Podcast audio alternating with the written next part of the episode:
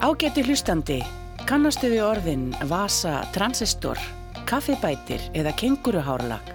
Þá er þessi þáttur fyrir þig því nú förum við á tímaflakk með hinnum Lekkeru, Bergson og Blöndal sem eru först í fortíðinni.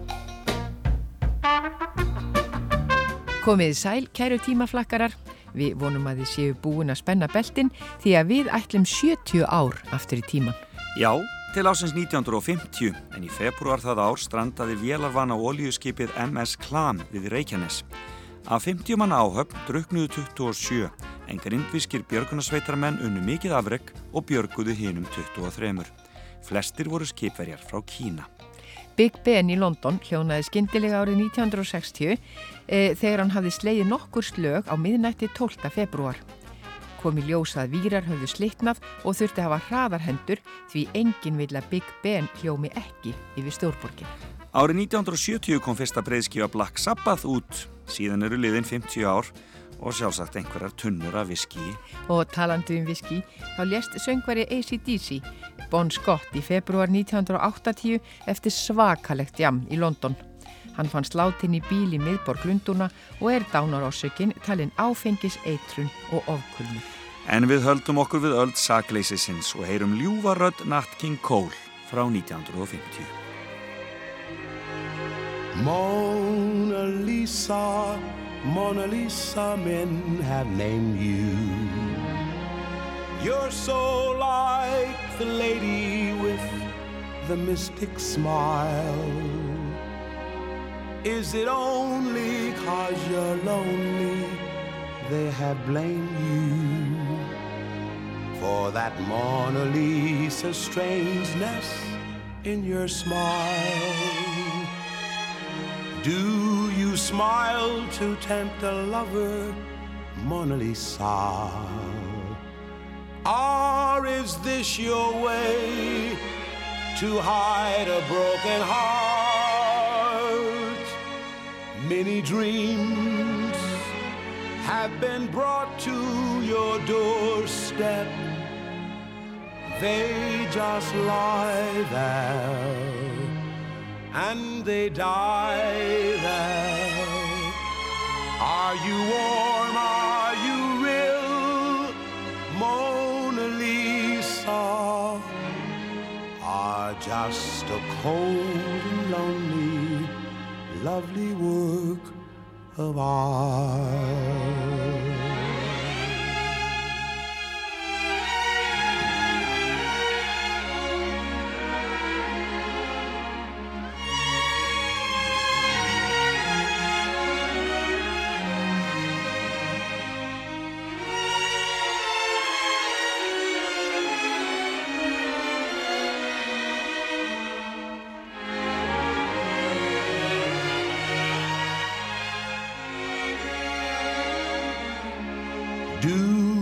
Smile to tempt a lover, Mona Lisa?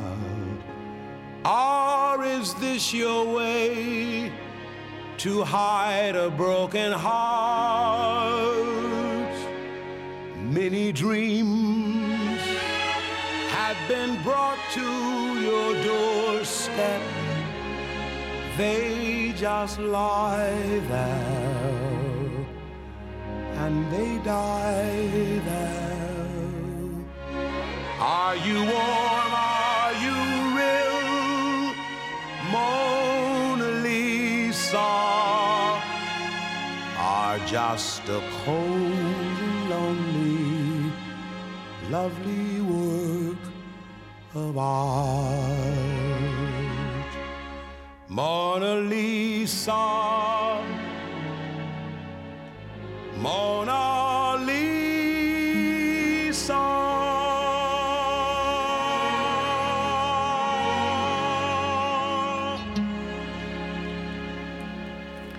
Nat King Cole og Mona Lisa sem átti eftir að verða eitt af allra vinsælustu lögum ársins 1950. Á alþingi Íslendinga tók ungur þingmaður upp málefni ríkisútarsins og kvartaði yfir því að ekki bærust fréttir frá þeim er stjórnuðu málum austan Jártjáls heldur væri engangu tekið við fréttum frá London, Kaupmannahöfn og Stokkólmi. Bjarni Benditsson, mentamálar á þeirra, svaraði fyrir spurð þingbansins og sagði að ríkistjórn Íslands hefði engin afskipti haft af fréttaflutningi ríkisútvarsins og ætlaði sér það ekki í framtíðinni. Hvort þingmaðurinn ungi sætti sig við þau svör er ekki að sjá í fréttum frá þessum tíma, en eitt er víst að hann og fjölskyldans átti eftir að láta mikið að sér hveða í framhaldinu. Þetta var Jónas Árnason.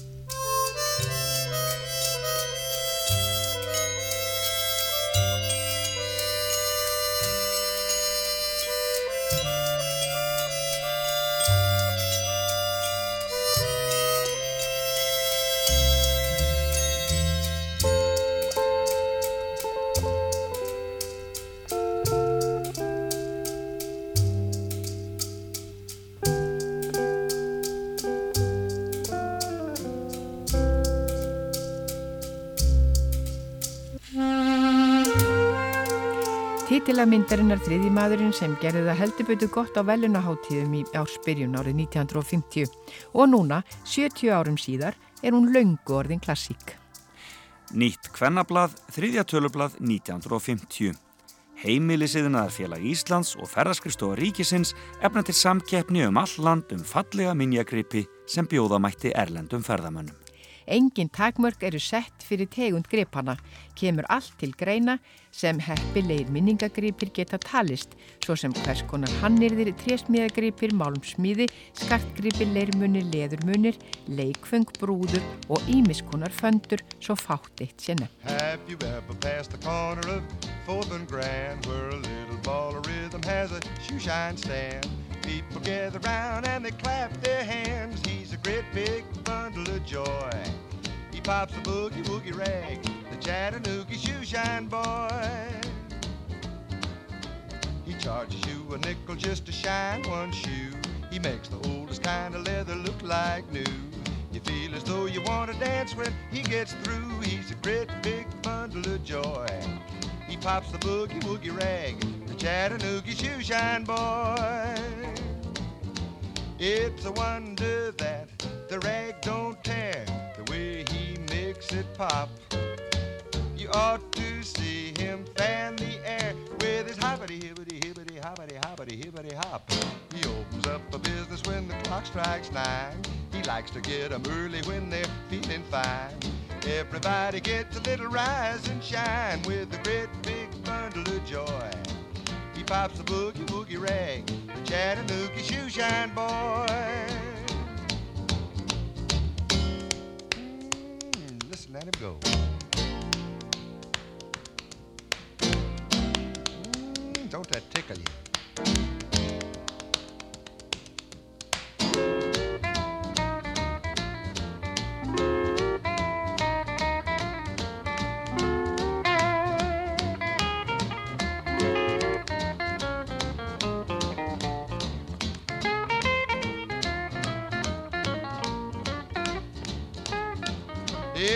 A wonder that the rag don't tear the way he makes it pop. Just listen to him fan the air. Here goes. Mm. He opens up a business when the clock strikes nine. He likes to get 'em early when they're feeling fine. Everybody gets a little rise and shine with a great big bundle of joy. He pops the boogie woogie rag, Chattanooga shoe shine boy.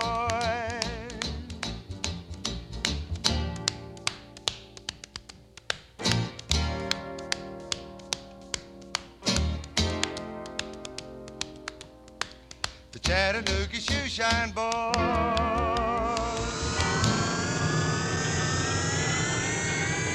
Árið 1960. hér austur á landi. Ég eitt sinn lendi á balli um kvöld Og einn þar bara við blikkaði hana Og sætt á bekkjunum ungmegar Einn, tveir, þrýr, fjór, sáu skotin, sjáðu nú. Hún var með dimbla augu, dökka lokka, dreyminn svip og indistokka Ég fjall í staf er ég fekk hann að sjá. Ég ákvað mig á augabræði, órættur á góði lagði. Svo aðrir skild ekki í hana ná Einn, tveir, þrýr, fjór, hefðið, hefðið hana séð. Ég rétt út armin og óðara kom. Ég held ég ætti að fá þennan dans, en fyrir aftan mig annar var kominn og áður varði hún þau beint til hann. Einn, tveir, þrýr, fjór, haldið þið hann hafið það. Hún var með dimmblá augu, dökka lokka, dreyminn svip og indislokka. Ég fjall í stafver, ég fjekk hann að sjá. Ég ákvað mig á augabræði, óhrættur á gólfið lagði, svo aðrir skild ekki í hana ná. Einn, tveir, þrýr, fjór, svona fórum sjóferð þá. Þau dönsuðu vanga við vanga, ég von svikinn mátti hörfa þar frá. Og þó ég hlipi til aftur og aftur, mér aldrei tók samt í hana að ná. Einn, tveir, þrýr, fjór, farðu nú og flýtu þér. Hún var með dimmblá augu, dökka lokka, dreyminn svip og indislokka. Ég fjall í stafver, ég fjekk hann að sjá.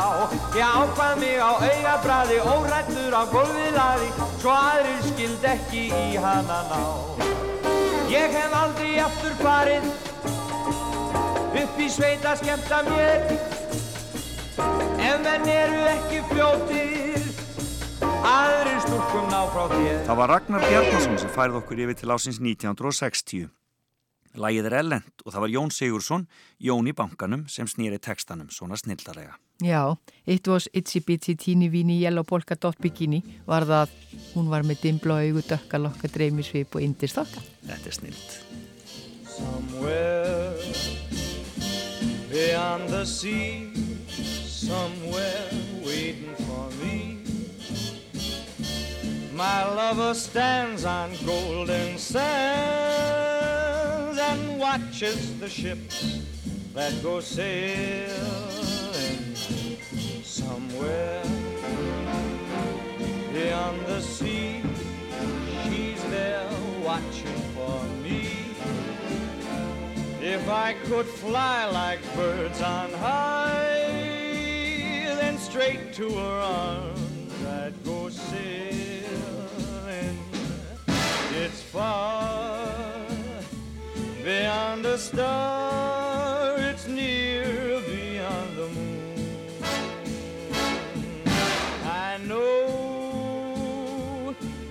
a doubt my heart will lead me there soon.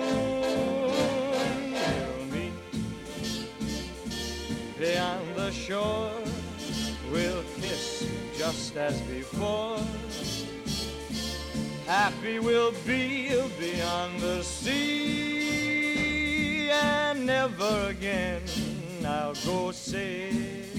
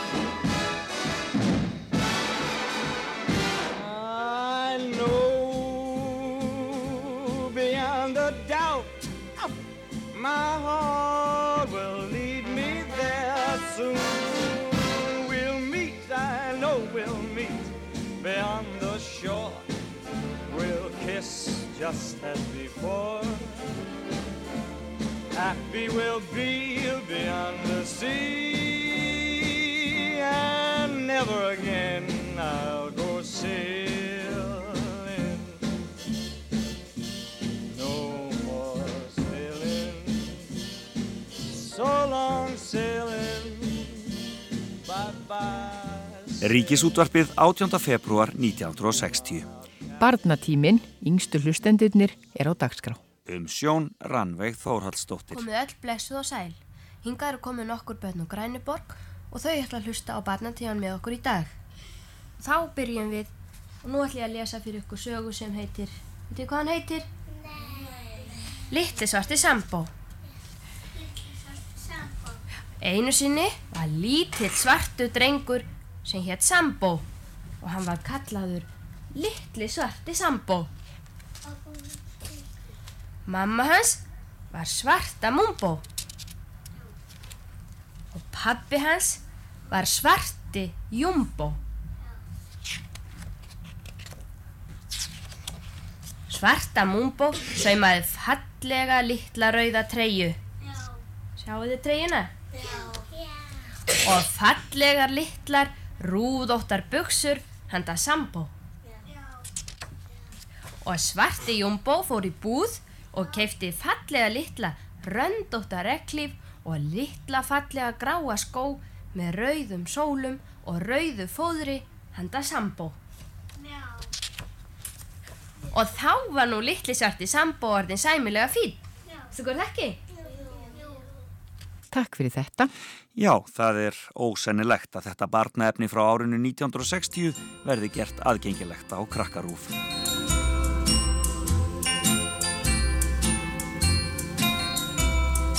I'll never let you go. Why? Because I love you. I'll always love you so. Why? Because you love me. No broken hearts for us, cause we love each other. And with our faith and trust, there could be no other. Why? Cause I love you. Why? Cause you love me. I think you're awfully sweet. Why? Because I love you. You say I'm your special treat. Why? Because you love me. We found a perfect love. Yes, a love that's yours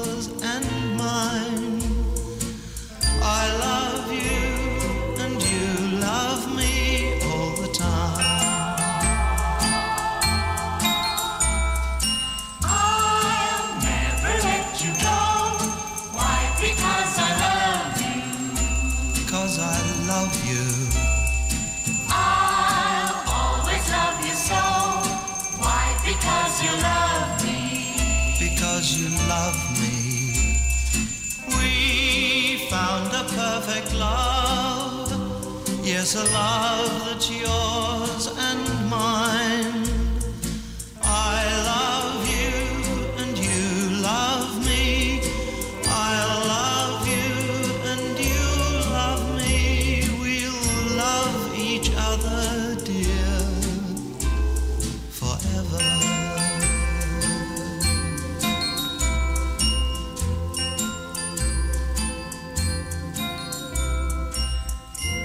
Antoni Njúlei var á toppnum með þetta lag Væ.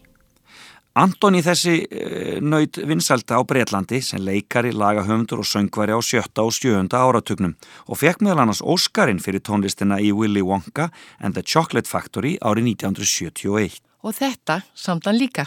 Hvers konar bjál ver ég sem elskað aldrei neitt annan en sjálfan mig og hélt að ég skipti máli einn.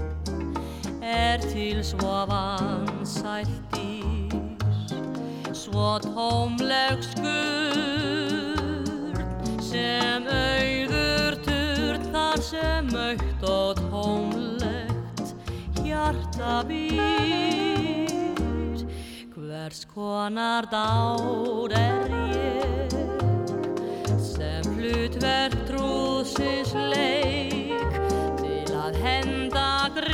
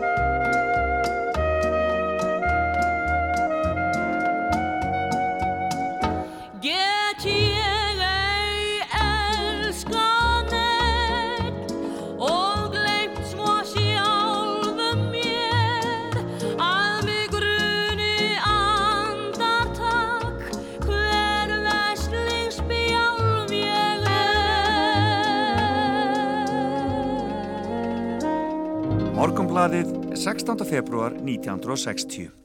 Skólagarðar í Eþjópíu. Gott starf unnið á vegum FAO. Norskur matrislusérfræðingur, ungrú Emmi Húkam, er nýkomin heim til Noregs eftir fjögur á hálsástöðl í Eþjópíu.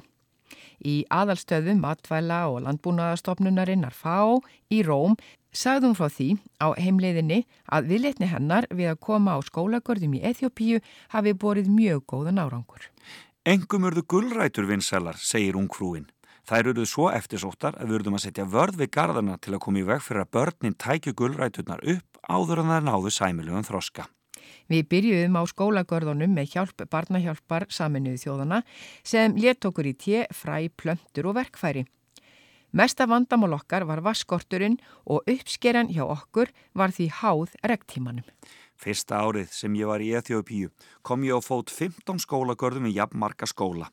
Næsta ár voru þeir orðnir 40, þriðja árið 80 og nú taka nefnendur frá rúmlega 100 skólum þátt í þessu starfi sem hefur fengið ofinbennan stimpil með því að mentamálaráðanættið í Eþjópíu hefur sett vinnun í skólagörðunum á námskýrtinu.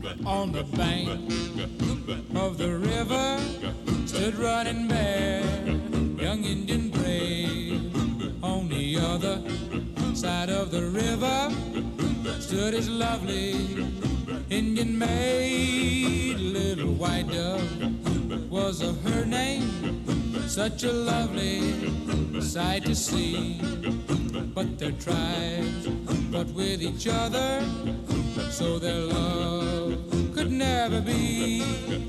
Running bear, love little white dove with a love big as the sky. Running bear, love little white dove with a love that couldn't die. He couldn't swim the raging river, cause the river was too wide. He couldn't reach little white dove waiting on the other side in the moonlight. He could see her throwing kisses across the way. Her little heart was beating faster, waiting there for her brave. A running bear, love little white dove with a love big as the sky. Running bear, love little white dove with a love that couldn't die. Running bear, dove in the water, little white dove did the same, and they swam out to each other through the swirling stream they came.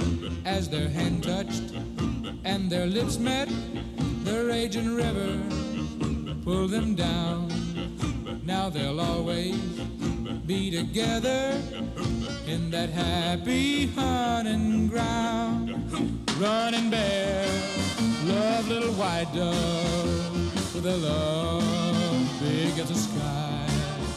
Running bear love little white dove with a love that couldn't die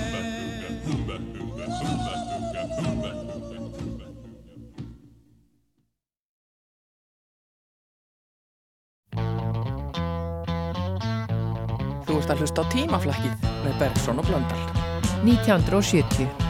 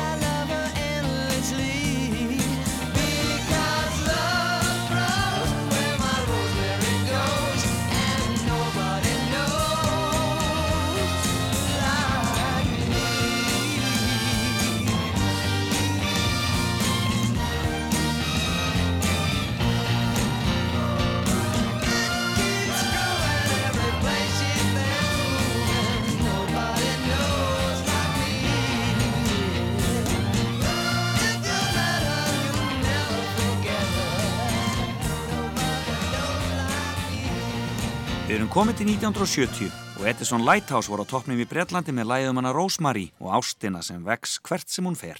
Júri Kanafín frá Sovjetríkjónum setti nýtt heimsmet í stangastökki er hann stökk 5 metra og 25 cm. Það þótti rosalegt. Þess má geta að nýja heimsmetið sem sett var að svíjanum Armand Duplantis í síðustu viku er næstum heilum metra herra eða 6 metrar og 17 cm. En þeir eru liðin 50 ár. Og í Reykjavík varð algjört öngþveiti vegna gríðarleira snjókomu. Moggin slóði upp að nú var í mesti snjór í höfuborginni frá árinu 1957. Bárur þér fleia um bölsins haf, brotir hver skip sem þér lífið gaf. Nú seitur bylgjan við auðnar land, að endingu grefur þitt lík í sand. Við áttum drauma og ást og trú, en eitthvað brast og þú reykar nú. Um villustræti um hóðans borg, það er verra en dauði og þungræn sorg. Og öll mín tár, til einskist þau í tómir renna. Mínur og sár, til einskist svíða þau og brenna. En vest er þó að við tegnar erum að kenna. Grætur oft en ég get svo fátt. Ég gaf þér allt, það var samt og smátt.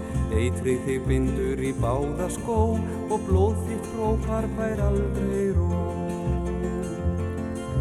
Þeir hyrða þig stundum og ringja í mig Og hint að ég komi að sækja þig. Þú ert örfitt af kvölum og allt mitt þór Mín orka og líf fer í þessi tá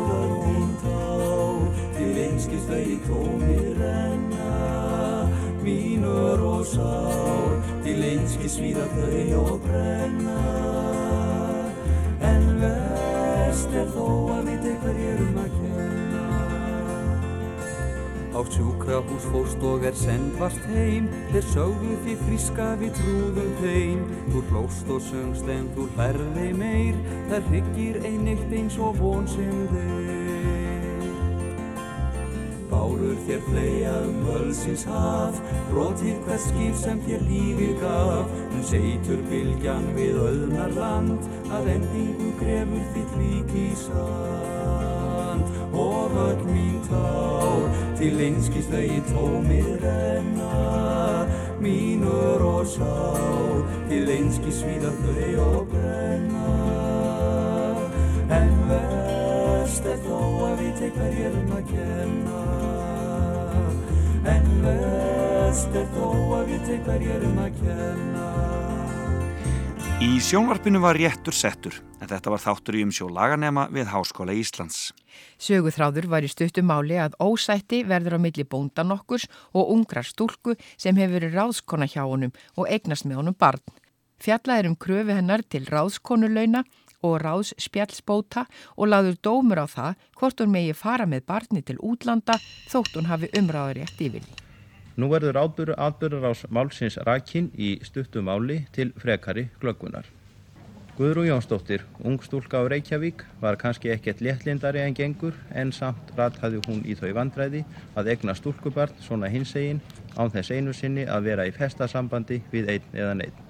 Því var það að hún afrið að svara auglusingu í tímanum þess efnis að bonda upp í sveit vantaði ráðskonu og mætti hún hafa með sér barn. Reyndist auglýsandin vera Sigurður Pálsson bondi að Grafabakka í Giljarreppi þá 32 ára að aldri. Liðu nú rúm tvö ár. Þá fættist henni sveimbarn. Var það skýrt Jón og skrifað svonur bonda. Bar Sigurður engar breyður á að hann væri fadirinn enda töldu sveitúkar hans ekki öðrum til að dreifa.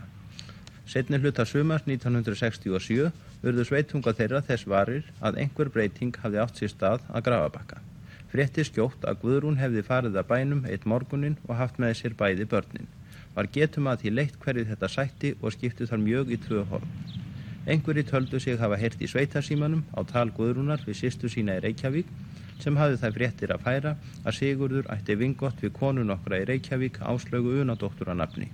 Væri hún þekktur viðskiptavinur Vívavals hjúskapamiðluna bænda og hefði svo kona orð á sér fyrir annað en fáað siðferði.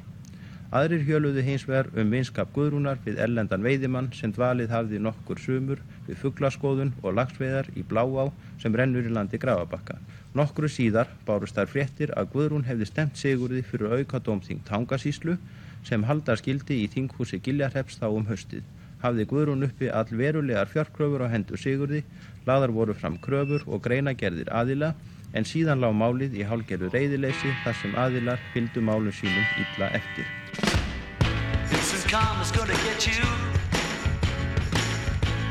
You. Right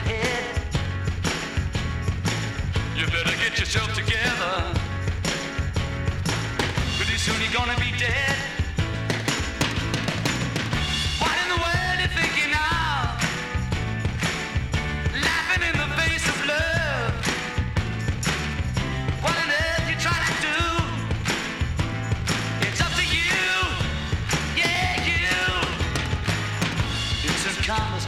Gonna you. Gonna look you right in the face. Better get yourself together, darling. Join the human race.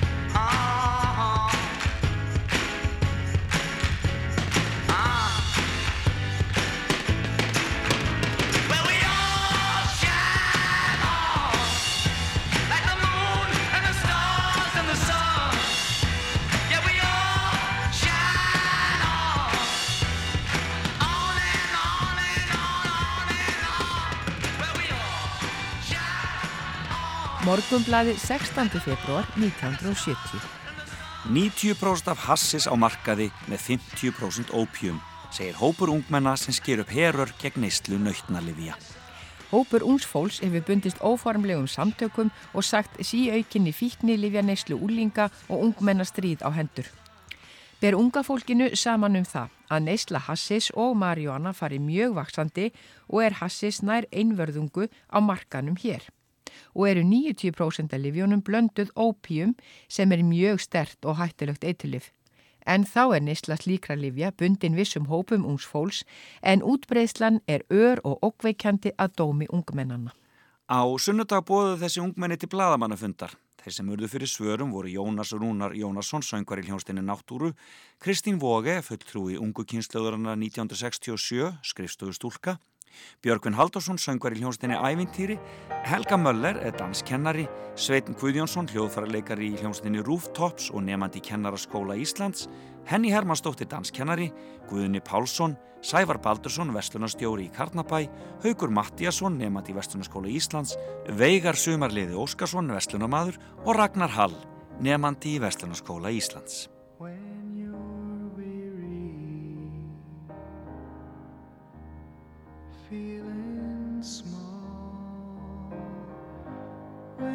Tears are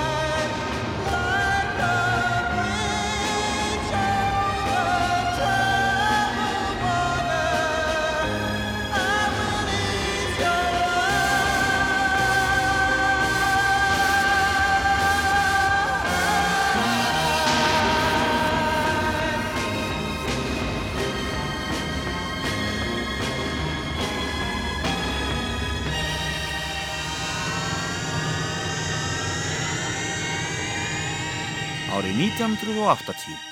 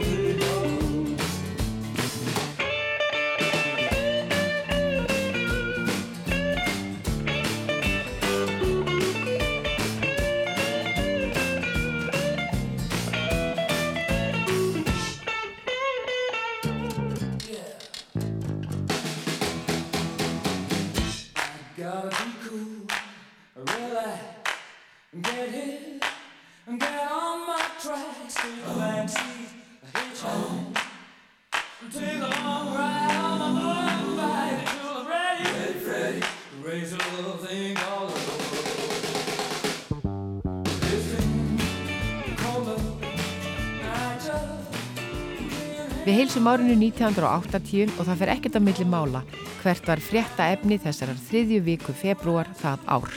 Nei, það fer ekki á milli mála, því það var í þessari viku sem dómsorð í Guðmundar og Geirfinnsmálum voru lesin upp. Og eftirmálana þekkjum við. En fleira var rætt. Við skulum kveikja á útvarpinu og ímynda okkur að í dagatalinu standi 17. februar. Á dagskrá er fyrsti þáttur í þáttaröðinni Stál og Nýfur sem var í umsjá þeirra Silju Aðarsteinsdóttur og Tryggva Þórs Aðarsteinssonar. Þátturinn fjallaði um farandverka fólki sjávarút tvegi fyrr og nú og byrjaði svona.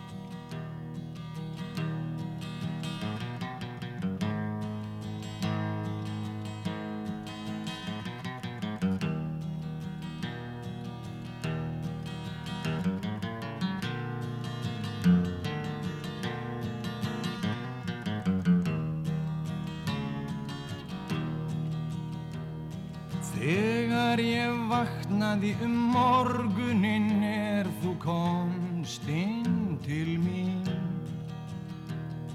Hörund þitt eins og silki, andlitið eins og postulín Við bryggjuna bátur vakkar hljóft í nóft Mun ég deyja Mig dreymda dauðin sagði kondu fljóft. Það er svo margt sem ég ætla þér að segja. Og ef ég drukna, drukna í nótt Ef þeir mig finna Þú getur komið á mig sóft Þá vil ég á það minna Stál og nýfur er merki mitt, merki farans verkamanna. Þitt var mitt og mitt var þitt meðan ég bjó á meðal manna. Stál og nýfur er merki mitt, merki farans verkamanna. Þitt var mitt og mitt var þitt meðan ég bjó á meðal manna. Það er júli árið 1979. Í Vestmannegjum eru 500 farandverkamenn við sjómennsku og fiskvinn í landi. Það er unnið, getið og sofið til skiptis, stökusinnum drukki líka, annars er lífið fiskur. Margir í þessum hóp eru óanæðir með aðbúnað og verbúðum sínum, margir nöldra líka yfir dýru fæði. Slíkt er engin nýlunda meðal farandverkamanna hvar sem er á landinu, en núna láta þeir ekki sitja við orðin tón. Nöldrið verður að ólgu sem býr um sig meðal fólksins. Það hefur frumkvæði að því að halda fund í eigum þar sem fyrstu drögað sameiginlegum kröfum farandverkafólks líta dagsins ljós. Fundurinn er haldinn 7. júli og hann álíktar. Verkalýshefingunni ber alger skilda til þess að sjá um að kjör farandverka fólks í fiskiðinaði til sjós og lands séu ekki lakari en kjör annara stjetta eins og nú er raunin. Við teljum að allt of lengi hafi hagsmunamál okkar leigið í láginni og atvinnureikendur fengið að ráðskast með þau að eigin gethóta. Þetta verður ekki lengur þólað og farandverka fólk krefst sömu réttinda og annað verka fólk. Í skýrslu sem fylgir þættunum í safni Rúf er ekki skráð hverjir það eru sem flytja tónlistana, en sá sem við heyrðum í og flytur reyndar fleiri lög í þættunum er öllum þekktur í dag. Það vakti aðtegli okkar að í februar 1980 voru enn nokkrir mánuður í að platan Ísbjarnar Blues kæmi út og þjóðin egnaðist sinn Bubba Mortens. Við lögumst því í smá grús komið hjálp Jónatans Garðarssonar, nema hvað, komist við að því að þessi upptaka sem notuður í þættinum var gerð hjá Ríkisútarpinu á skólagötu fjögur og að öllum líkindum var þetta í fyrsta sinn sem Bubbi var spilaður í útvarpi.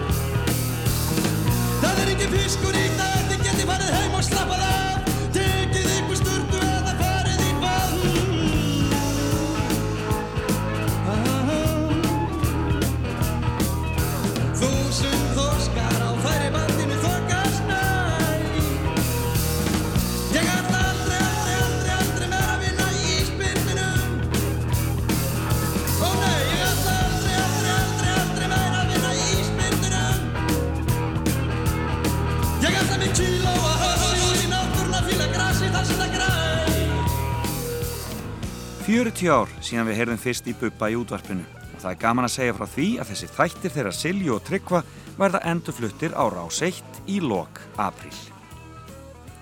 Vísir 17. februar 1980. Innflutningur áfengs öls er ólöglegur. Við höfum sendt þetta álit Sigurðar Lindahl professors til Svava Skerssonar heilbriðisráð þeirra sem er aðisti yfir maður áfengisvarna í landinu, saði Ólafur Haugur Arnason, áfengisvarna ráðunautur í samtali við Vísi. Áfengisvarnaráð bað Sigur Lingdal um álita því hvort nýsett reglugerð um heimild ferðamanna til að flytja áfengt öl inn í landið stæðist lögum samkvæmt. Sigur Lingdal skiljaði ítalegri álitsgerð þar sem hann kemst að þeirri niðurstöðu meðal annars að jafnvel þótt reglugerðin teldist gild þá væri ekkert í henni sem heimilar innflutning áfengs öls. Í henni sé einungis talað um öl. Þá telur Sigurður Líndal að innflutningsbann á áfengu öli samkvæmt sér ákvæði þriðju greinar áfengislaga gangi framar almennu og óljósu ákvæði 40. annars tölulið þriðju greinar áfengislaga. Samkvæmt þessu er innflutningur farmanna og flugmanna á áfengu öli einnig ólöglegur. Og við endur tökum, þetta var frétt úr vísi frá 17. februar 1980. Everyone considered him the coward of the county. He'd never stood one single time to prove the county wrong. His mama named him Tommy, but folks just called him Yellow. Something always told me they were reading Tommy wrong. He was only 10 years old when his daddy died in prison. I looked after Tommy cause he was my brother's son. I still recall the final words my brother said to Tommy. Son, my life is over, but yours has just begun. Promise me, son, not to do the things I've done. Walk away from trouble if you can. It won't turn the other cheek. I hope you're old enough to understand. Son, you don't have to fight to be a man. There's someone for everyone, and Tommy's love was Becky. In her arms, he didn't have to prove he was a man. One day while he was working, the Gatlin boys came calling. They took turns at Becky, and there was three of them. Tommy opened up the door, saw his Becky crying. The torn dress, the shattered look was more than he could stand. He reached above the fireplace and took down his daddy's picture. As his tears fell on his daddy's face, he heard these words again. Promise me, son, not to do the things I've done. Walk away from trouble if you can. Now it won't mean you're weak if you turn the other cheek. I hope you're old enough to understand. Son, you don't have to fight man. The Gatlin boys just laughed at him when he walked into the bar room. One of them got up and met him halfway across the floor. When Tommy turned around, they said, Hey, look, old Yellow's leaving. But you could have heard a pin drop when Tommy stopped and locked the door. Twenty years of crawling was bottled up inside him. He wasn't holding nothing back, he let let 'em have it all. When Tommy left the barroom, not a Gatlin boy was standing. He said, This one's for Becky, as he watched the last one fall. And I heard him say, I promised your dad not to do the things you've done. I'll walk away from trouble when I can. Now please don't think I'm weak, I didn't turn the other cheek. And Papa, I sure hope you understand. Sometimes you gotta fight when you're a man. Everyone considered him the coward of county.